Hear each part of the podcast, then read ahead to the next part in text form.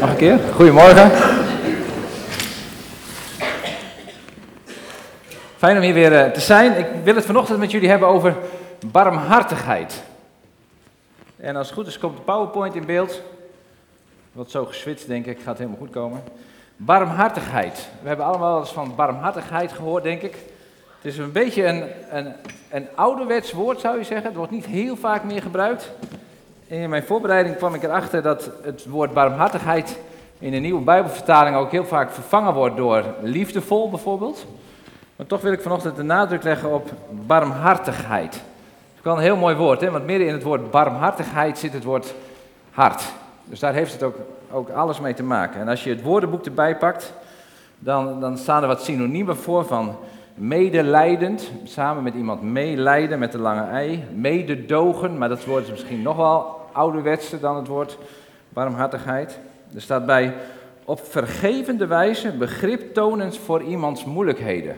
Op vergevende wijze, dus het heeft ook met genade te maken, begrip tonend voor iemands moeilijkheden. En er staat er nog een beschrijving bij, barmhartigheid is de behoefte om hulp te verlenen aan mensen die in geestelijke of lichamelijke nood verkeren. Het is nauw verbonden met naaste liefde en met rechtvaardigheid. Nou, dat zijn de woorden, als je het woordenboek en daar een beetje op googelt, dan krijg je dit soort woorden. We kennen het woord hart heel mooi. En als je daar nog wat meer over hoort, dan zeggen mensen, waarom heet het eigenlijk niet warmhartigheid? Dat geeft nog iets meer weer misschien, dat het zo'n warm, warm woord is. Nou, ik wil met jullie kijken in het uh, Oude Testament wat er voor barmhartigheid staat, wat er in het Nieuwe Testament staat. En dan maken we natuurlijk ook een sprongetje naar deze tijd, wat we daar als kerk mee kunnen, wat je daar persoonlijk mee kan, welke lessen we daarvan uit kunnen leren. En dan gaan we ook met elkaar het avondmaal vieren. En dan komt die collecte ook nog ergens langs. In ieder geval het doel van de collecte. Nou, is door het missionair team gevraagd, dus het heeft wel wat met barmhartigheid te maken, zou je denken. Maar we beginnen bij het Oude Testament. En dan, uh, als je gaat zoeken van wat is barmhartigheid, dan kom je op de woorden ontferming, medelijden, liefdevol, bewogenheid. Uh, maar dan ga je ook kijken naar wat staat er nou in het Hebreeuws. Het Oude Testament is in het Hebreeuws geschreven. En dan staat er het woord ragamim. Dat, dat, dat wordt dan vertaald met barmhartigheid. En als je dat terugkijkt naar de kern van dat woord, dan is dat regem, als ik het goed uitspreek. En dat is heel bijzonder, want daar staat voor het woord moederschoot, de baarmoeder. Dus elke keer als God het heeft over barmhartigheid, dan staat er eigenlijk het woord baarmoeder en moederschoot. En waar is het ongeboren kind veiliger en waar wordt hij meer beschermd dan in die moederschoot? Dus als we het hebben over barmhartigheid, dan is het God die ons beschermt, die ons veilig, een veilige plek geeft in die, in die moederschoot, als het ware. Dat, dat heeft het woord barmhartigheid, draagt zich met, met zich mee. We zijn veilig en we zijn geborgen bij God in zijn barmhartigheid. Ik vind het heel mooi, dat is eigenlijk de vrouwelijke kant van God. En als je nog meer door de Bijbel kijkt, we zien heel vaak God als vader, en dat is hij ook. Maar als je Jesaja 66, vers 13 ziet, dan staat er, daar staat, zoals een moeder haar zoon troost, zo zal ik jullie troosten. Dus God laat zich ook zien als als de vrouw, als de, de vrouwelijke kant. Je zou kunnen zeggen de, de zachte kant, de medelijden kant. Gaat het goed hier met het geluid? Of niet? Ah, ik dacht, jullie gaat over het geluid. Dus. Ja, eigenlijk wel. Je hebt de microfoon op het verkeerde oor. Ik denk al. Moet ik hem naar de andere doen?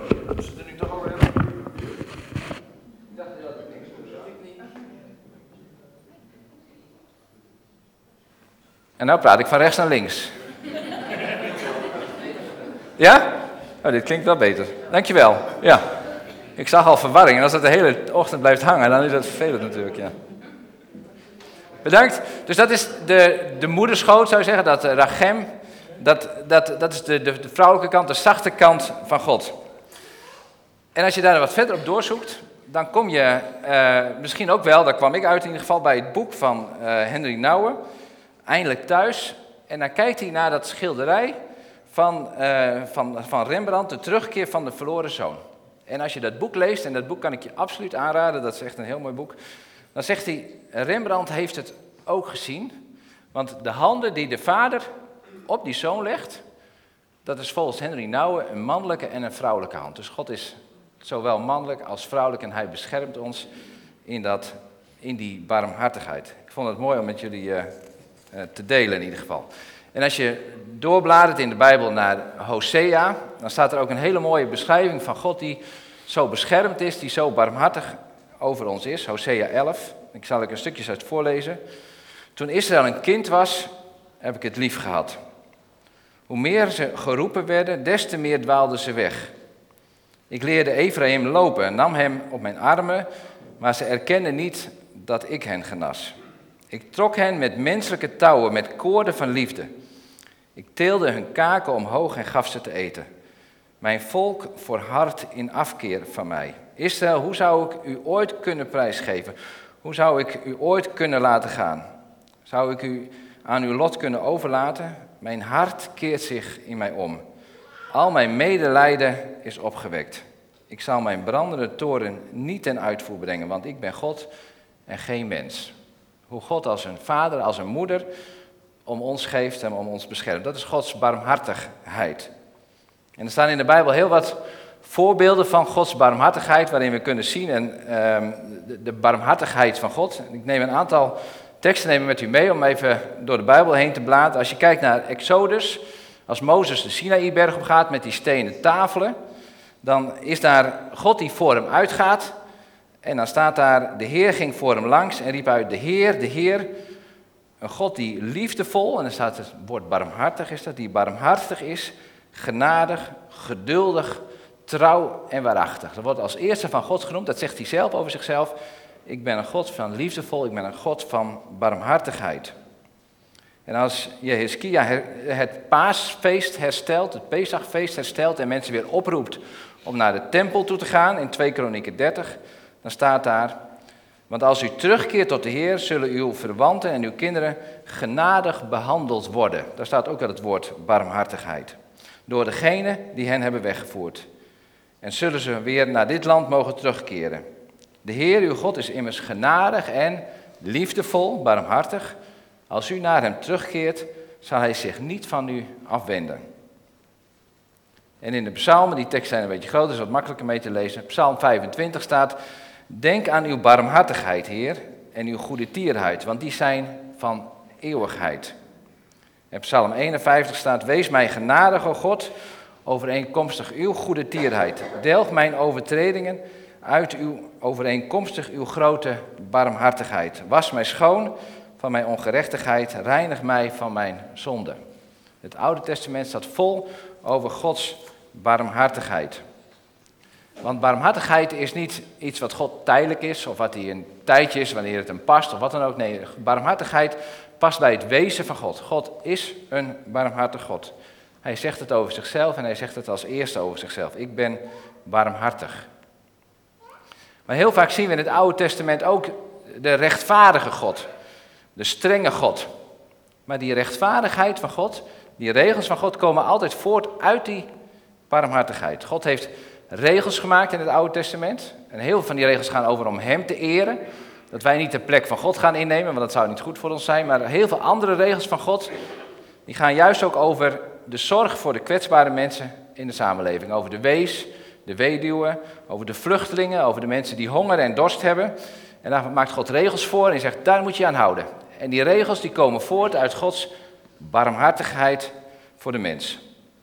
En daarom is het omzien naar mensen die kwetsbaar zijn ook niet een soort liefdadigheid, maar het is je gewoon houden aan de regels die God heeft gemaakt. Het wordt recht gedaan als wij omzien naar mensen in kwetsbaarheid, mensen die onvoldoende eten hebben, mensen die vluchteling zijn. En God maakt zich dan ook boos, heel boos, wanneer we ons niet aan die regels gaan houden. En dan komt hij met straf en dan komt hij met oordeel.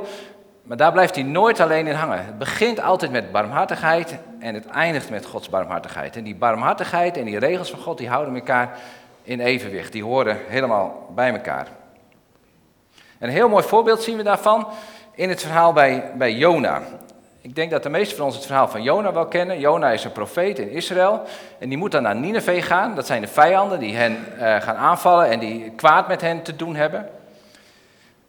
En dan zegt God tegen Jona, je moet daar naartoe en je moet ze het oordeel vertellen, want ik ben er helemaal klaar mee met dat volk. Ik ga de stad omkeren en ik ga ze verdelgen. Nou, we weten dat verhaal van Jona. Die komt in de vis terecht, maar uiteindelijk komt hij daar. Het is een hele grote stad. En Jonathan, die, Jonathan, Jona, die gaat, Jona, die gaat daar naartoe. En die neemt maar liefst drie dagen de tijd, eigenlijk veel te kort, drie dagen de tijd om die stad dat te verkondigen. En dan trekt hij zich terug en dan wacht hij af wat er gebeurt. En dan ziet hij dat er helemaal niks gebeurt. Blijkbaar is dan de periode voorbij en dan gaat hij God beklagen. En wat zegt hij dan? Ik bad tot de Heer. Ach Heer, heb ik het niet gezegd toen ik nog thuis was? Daarom wilde ik naar Tarsus vluchten. Ik wist het wel. U bent een God die genadig is en liefdevol is, die barmhartig is. Die geduldig is en trouw en bereid om het onheil af te wenden. En hier citeert Jona een stuk uit, het, uit de Torah, wat, wat, we, wat we net ook gelezen hebben. Jona zegt, ik, ik wist het wel, u bent een barmhartig God. Als we keer die vijanden kunnen inbeuken, dan zie ik daar uit, dan gebeurt dat en dan bent u daar weer met uw barmhartigheid. Nou, dat is typisch God. God is God van barmhartigheid. Het begint met barmhartigheid. Hij heeft regels van rechtvaardigheid. Maar als we ons tot hem keren, dan is God weer barmhartig. Dan is hij daar weer in Exodus staat, is dat hij het recht brengt aan, aan, aan de derde en het vierde geslacht. Maar dat Gods barmhartigheid gaat tot het duizendste geslacht. Dus Gods barmhartigheid gaat door en door en door en door. Nou, en zo zien we God in het Oude Testament. Soms zien we God heel vaak in het Oude Testament als een strenge, rechtvaardige rechter die veel oordeel brengt. Maar als we goed kijken, zien we God die barmhartig is. Die barmhartigheid waar hij mee begint en waar hij mee eindigt. En ik weet niet wat voor beeld jij van God hebt en uh, hoe jij tegen God aankijkt. Maar God is, ja, hij is een rechtvaardig God. Maar God is een barmhartig God. Die met medelijden en met liefde naar ons toekijkt en met ons optrekt. Hij is als een moeder die voor zijn kinderen zorgt. Voor een moeder die voor zijn zoon en voor zijn dochter zorgt en zegt: Hé, hey, ik zal me over je ontfermen, of ik doe dat die komt niet met oordeel, die komt met liefde naar hem toe. Nou, als we zo het Oude Testament doornemen en doorkijken, dan zien we dat barmhartigheid van God centraal staat daarin. Dan wil ik je nog meenemen naar het Nieuwe Testament. Want het Nieuwe Testament is in het Grieks geschreven. En er zijn dus weer andere woorden voor barmhartigheid. Er zijn drie woorden die vooral gebruikt worden. En die eerste is wel een hele lastige splanginosomai of zo. Nou, dat zeg ik dan één keer. Maar dat is dat woord wat er in het Grieks staat. En dat betekent zoveel als de eh, je wordt geraakt in de ingewanden. Je wordt geraakt van binnen geraakt. Je wordt geroerd. En dat gaat vaak over Jezus. En Jezus is de zoon van God. En God laat zich raken door wat er om hem heen gebeurt. God laat zich raken in zijn binnenste door de nood van mensen om hem heen. En er zijn een aantal gelijkenissen waar dit woord gebruikt wordt. En deze drie gelijkenissen ga, ga, ik heel kort even noemen. Misschien ken je de gelijkenis van die man die heel veel schulden heeft. En dan moet hij uiteindelijk bij de koning komen en dan moet hij die schulden terugbetalen. De betalingstermijn is voorbij of zo en nu moet hij dat terugbetalen. En dan gaat die man op zijn knieën en zegt, ik heb het niet, ik heb het niet. En dan zegt die koning, oké, ik vergeef je. Je hoeft het niet terug te betalen. En dan gaat hij naar buiten toe en dan komt hij daar een schuldeiser tegen die hem nog iets schuldig is. En daar is hij niet barmhartig mee. En Jezus zegt, hij had barmhartig moeten zijn. Hij had zich het nood en het lot van de ander moeten aantrekken, zoals de koning dat met hem gedaan had. Hij had hem moeten laten beroeren en hij had hem ook de schuld kwijt moeten schelden. Daar staat het woord dat je geraakt wordt in je binnenste. Nou, een ander gelijkenis, een heel bekend voorbeeld, dat is die Samaritaan die dan onderweg is en dan iemand tegenkomt die op de grond ligt, die door rovers is uh, aangevallen. En dan staat daar ditzelfde woord. En die, die Samaritaan, die barmhartige Samaritaan, die wordt van binnen geraakt, die wordt van binnen geroerd. En die doet daar iets mee. Die gaat voor deze man zorgen.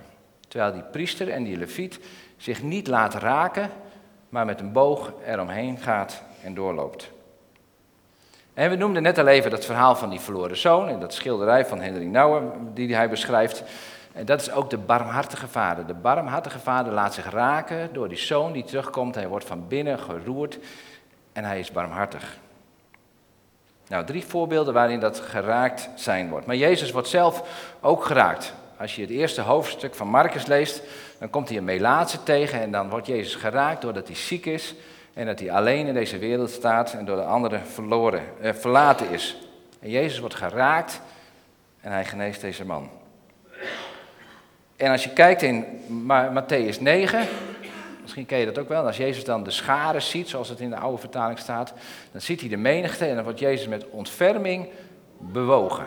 Hij wordt van binnen geraakt. Hij ziet de mensen als schapen zonder herder. Hij ziet ze ronddolen, afgemat en gehaast door deze wereld gaan.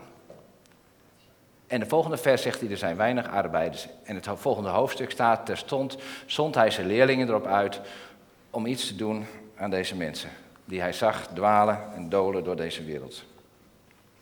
Dus dat is het woord, dat eerste woord. Ik heb beloofd mezelf dat één keer uit te spreken. En het tweede woord, dat is ietsje makkelijker, dat is oiktermon. En dat gaat vooral over het meeleven, over het meelijden. Je ontfermen over. En ook dat wordt vertaald met barmhartigheid. Het is de God die met ons meeleidt. Het is de God die met ons meeleeft. Hij staat naast ons, hij trekt met ons op. Hij huilt met ons mee, hij lacht met ons mee, hij zingt met ons mee, hij huilt met ons mee, hij vecht met ons mee. Het is degene die met ons meeleeft en met ons optrekt. En dat woord wordt ook gebruikt in Lucas 6, waar staat: Wees barmhartig, zoals uw hemelse Vader barmhartig is. Dus we worden opgeroepen om mee te leven, mee te lijden met de mensen om ons heen, zoals de Vader dat ook met ons is. Nou, van binnen geraakt en meeleven. Dat is wat Jezus doet als hij op deze wereld is. En hij nodigt ons uit om dat ook te zijn. Om ook geraakt te worden, om ook mee te leven met de mensen om ons heen. Om geraakt te worden van binnen. En ik wil je die vraag ook bij je neerleggen van wanneer ben jij voor het laatst geraakt? Word jij geraakt door situaties om je heen? Word jij geraakt door dingen die je hoort om je heen, dingen die je leest, die je in de krant leest? Laat je je raken, zoals die barmhartige Samaritaan zich laat raken door die man die er op de grond ligt? Of heb je geleerd om een beetje afstand te houden en zeggen, nou, nee, niet te veel, aan mijn, niet te veel polonaise aan mijn lijf, of zeg je dat nou, niet te veel gedoe, ik loop eromheen. Ik hou het op een afstandje. En soms kan je geraakt zijn, je zomaar ineens gebeuren. Ik was in in de supermarkt en uh, ik betaalde af bij die zelfscanding en naast mij was een moeder en een zoon. En uh, die zoon die mocht scannen, en die, en dan, maar dat wilde niet helemaal. Nou, dus een medewerker van uh, de supermarkt erbij. En die klikte dat in één keer aan. En dat was in één keer klaar. Dus die moeder voelde zich waarschijnlijk een beetje beroerd. Maar wat zei ze? Nou, die zoon hoeft hier niet te komen werken. Die kan niet eens gewoon een pakje boter scannen. En ik snap wel dat die moeder zich moest verantwoorden ten opzichte die medewerker. En misschien heb ik het ook wel gedaan op deze manier, vast wel. Maar het raakte mij dat ik denk, hoe makkelijk kan iemand pijn gedaan worden? En zo komen in ons leven allerlei dingen tegen. En wat heb ik daarmee gedaan? Ik heb er niks mee gedaan. En nu ik dit aan het voorbereiden was, dacht ik daaraan, dacht, oh, ik had in ieder geval kunnen zegenen of voor kunnen bidden. Ik weet niet of het nodig was geweest om te interpreteren en de wijsneus uit te hangen bij die moeder. Maar we worden geraakt in ons leven. En word jij nog geraakt wil je je laten raken? Jezus laat zich bewust raken. Hij doet zijn hart open, barmhartigheid. Hij opent zijn hart om zich te laten raken. Of sluit je je hart en zeg je nou, wat een drukte allemaal. Dat wil ik allemaal niet. Nou, misschien een goede vraag om mee te nemen bij de koffie. En dan elkaar eens even te vragen, hey, waar ben jij afgelopen week geraakt? En wat heb je misschien daar ook wel mee gedaan? Het derde woord, wat gebruikt wordt in het Nieuwe Testament, dat is het woord Elios kende dat ook wel van de organisatie Elios, die ook barmhartig wil zijn met mensen en met mensen optrekt. En Elios is ook barmhartigheid, eh, maar het woord duidt daar extra nog wat meer aan dat je er iets mee doet. Want barmhartigheid, en als je de beschrijving daarvan leest, dat is nooit alleen maar de houding, je gevoel, ik ben barmhartig, maar er hoort altijd iets bij van dat je er iets mee gaat doen. Nou, ook die woorden worden in het Nieuwe Testament gebruikt en onder andere in Matthäus. Matthäus die gebruikt daar uh, het woord Elios, als hij weer een stukje uit het Oude Testament uh, vertaalt, uit uh, Hosea, waar staat, barmhartigheid wil ik en geen offer. Dat is wat God dan tegen het volk zegt. Hij wil barmhartigheid, hij wil dat mensen begaan zijn en iets doen, in plaats van alleen maar dat er offers gebracht worden. En de Bartimaeus, de blinde Bartimaeus die in Jericho is, en die roept naar de Zoon van God, en dan gebruikt hij dat woord Elios. Die zegt, David, nee, zoon van David, Jezus, heb medelijden met mij. wees barmhartig met mij. En eigenlijk zegt hij, wees barmhartigheid met mij en wilt u daar iets aan doen? Want ik heb uw hulp nodig. Wilt u uw handen uit de mouwen steken en iets doen, Jezus?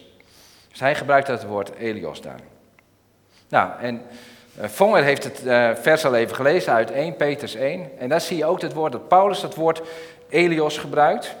En zei, geprezen zij de, de God en Vader van onze Heer Jezus Christus. In zijn barmhartigheid, in zijn Elios, heeft hij ons door de opstanding van Jezus Christus, en wat heeft hij dan gedaan?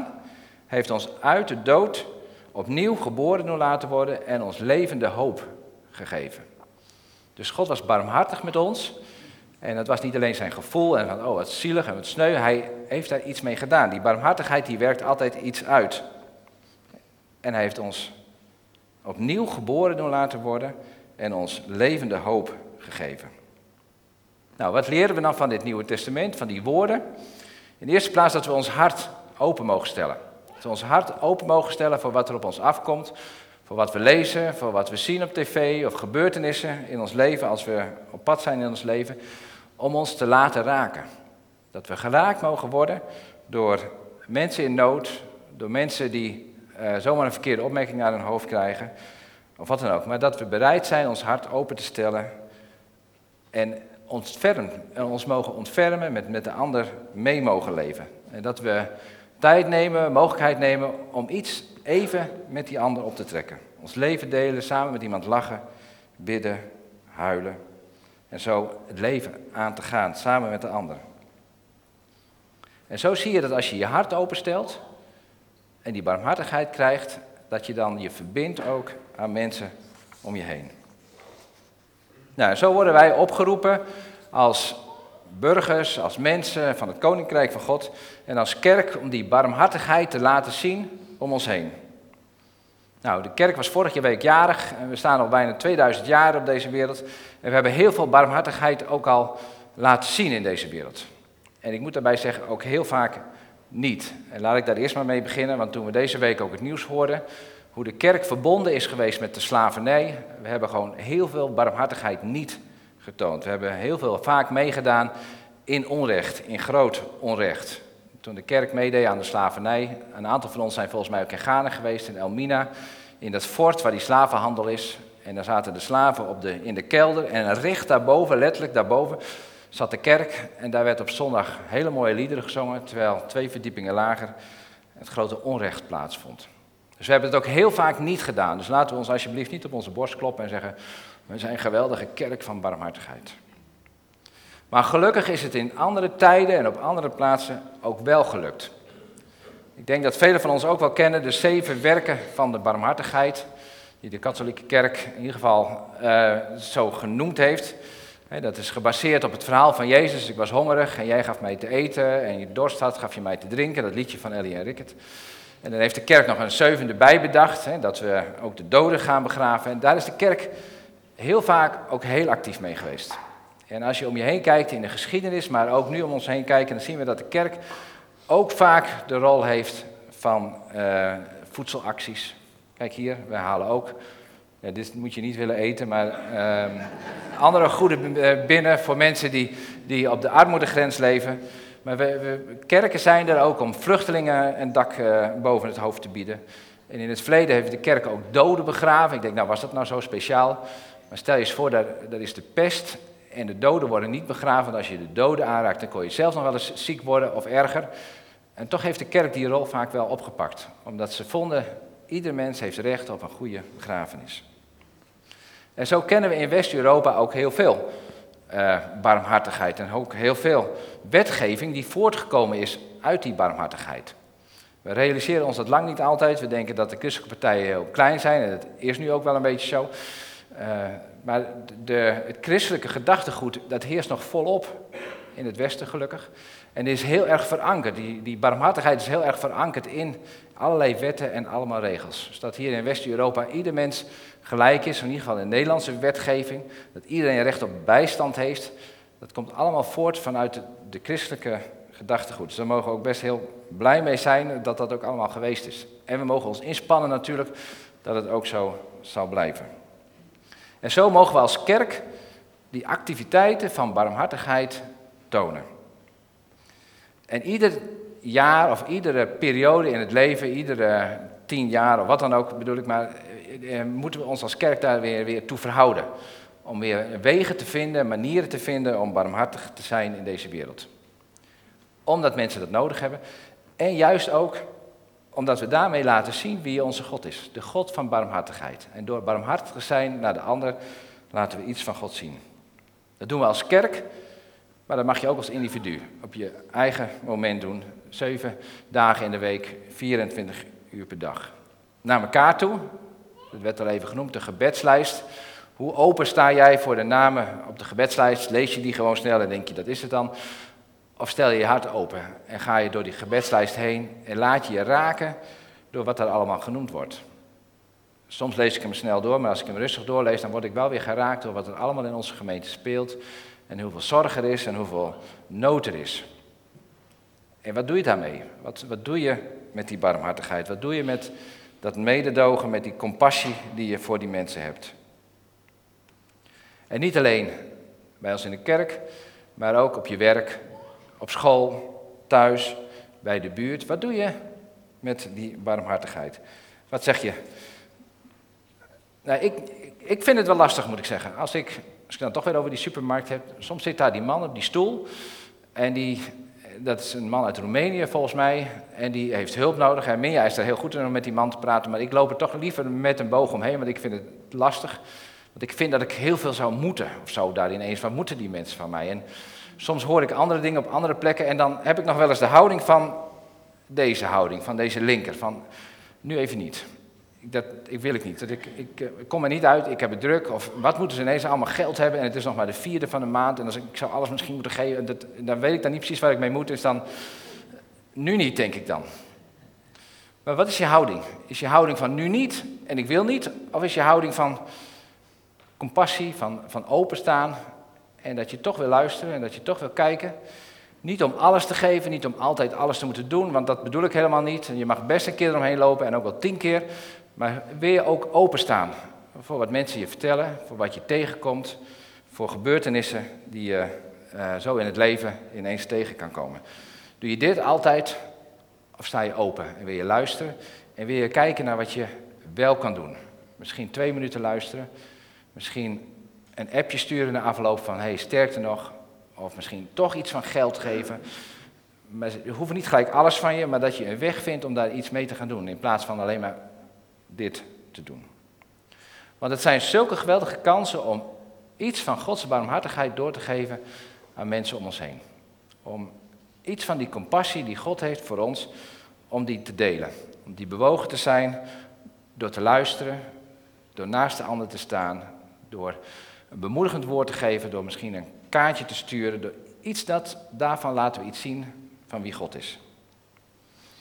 En tegelijk ik weet niet hoe het jou gaat, maar als je zoiets doet, als je die compassie, als je die barmhartigheid van God laat zien, dan daar word ik ook altijd heel blij van van binnen.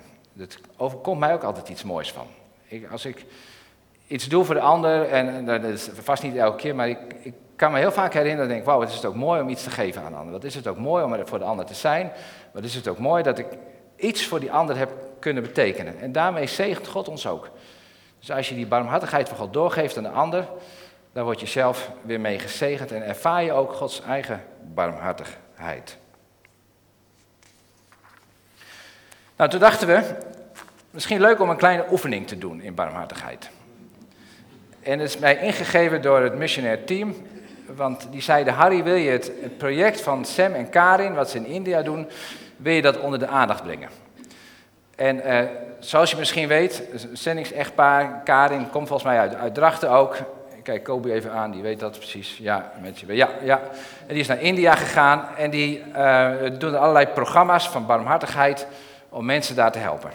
En nu willen ze in, in achtergebleven gebieden, willen ze heel graag een basisgezondheidsprogramma opzetten.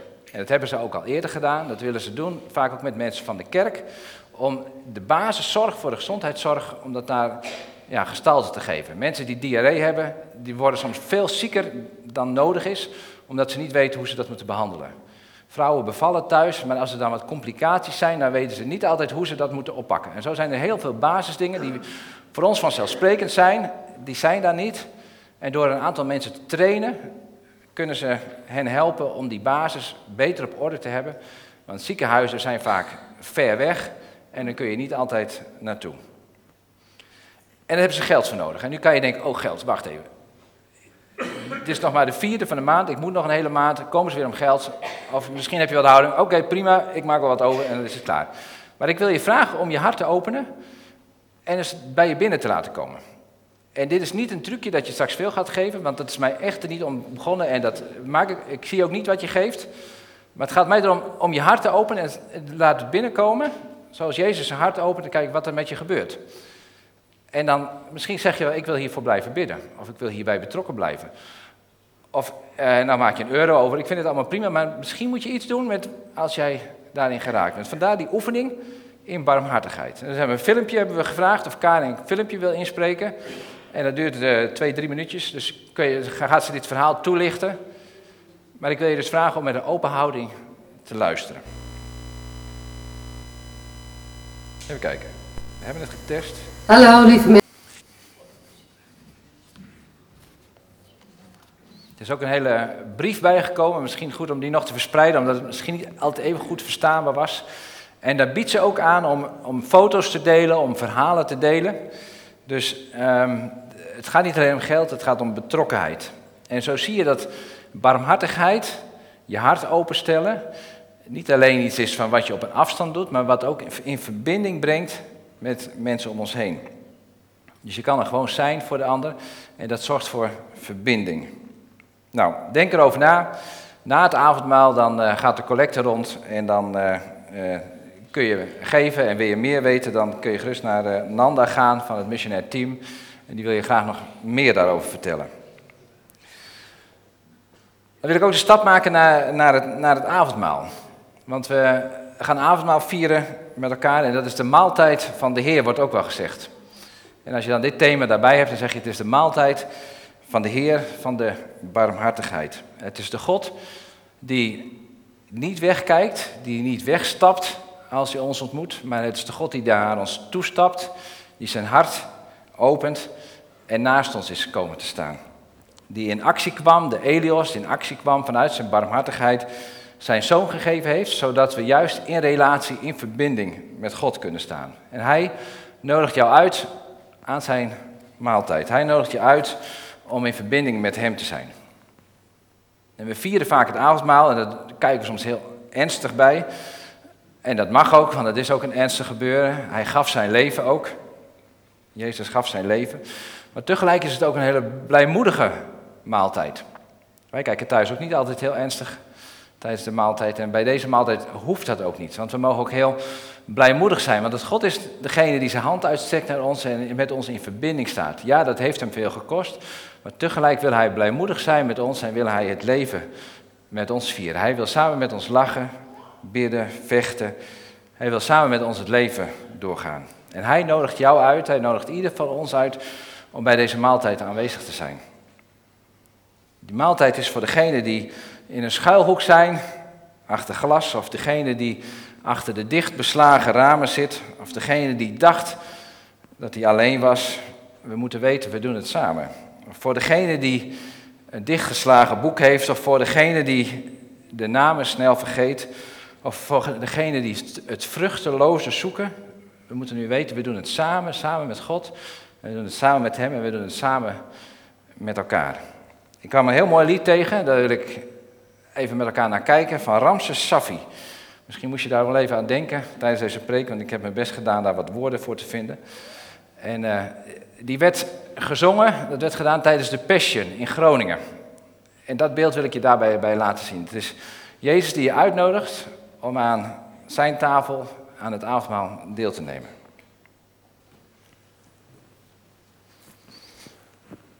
En zo worden we uitgenodigd. Hoe je leven er ook uitziet, wat je ook meemaakt, in welke situatie je ook bent.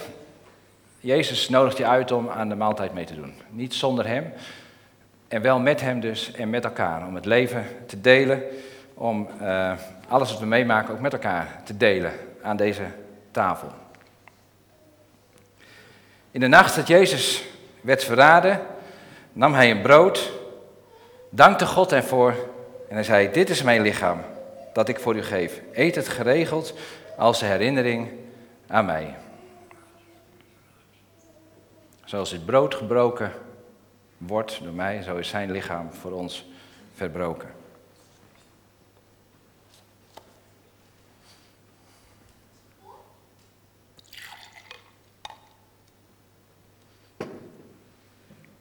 En na de maaltijd nam hij de beker en hij zei: Deze beker is het nieuwe verbond. Het wordt bekrachtigd met mijn bloed. Drink dit geregeld en ter herinnering aan mij. Want telkens als u dit brood eet en uit de beker drinkt, bevestigt u daarmee dat de Heer gestorven is. Doe dit totdat hij terugkomt. Zullen we met elkaar bidden? Heer, dank u wel dat we met u aan tafel mogen. Dat u niet aan ons voorbij liep, maar dat u ons opzocht. Dat u uw hart opende, dat u ons uitnodigde en het mogelijk maakte dat we met u aan tafel mogen. Dat we ons leven met u mogen delen.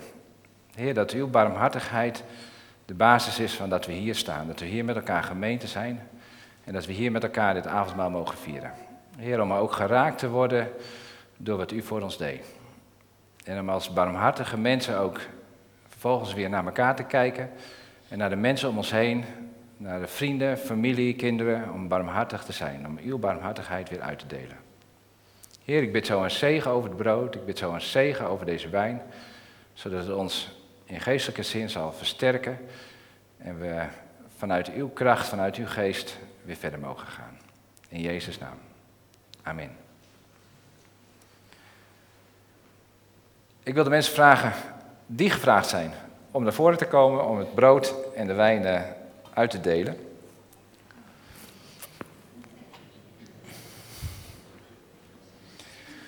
We gaan uh, zoals gebruikelijk, kunt u van die kant komen en van die kant komen. En uh, door het bidden weer uh, naar uw stoel te gaan. Volgens mij zijn er ook mensen achter die voor u kunnen bidden. Dus u zegt van ik wil gebed hebben. Ik heb gebed nodig. Ik wil zelf een gebed hebben. Of ik heb geen gebed, maar ik vind het fijn dat mensen voor mij bidden. Dan uh, wil ik u van harte uitnodigen om ook dat te doen. De wijn is de buitenste rand. De binnenste rand is het druivensap. Even kijken. Jullie staan al. Hoe mooi kan het leven zijn? Ik wil u van harte uitnodigen om uh, aan het avondmaal deel te nemen.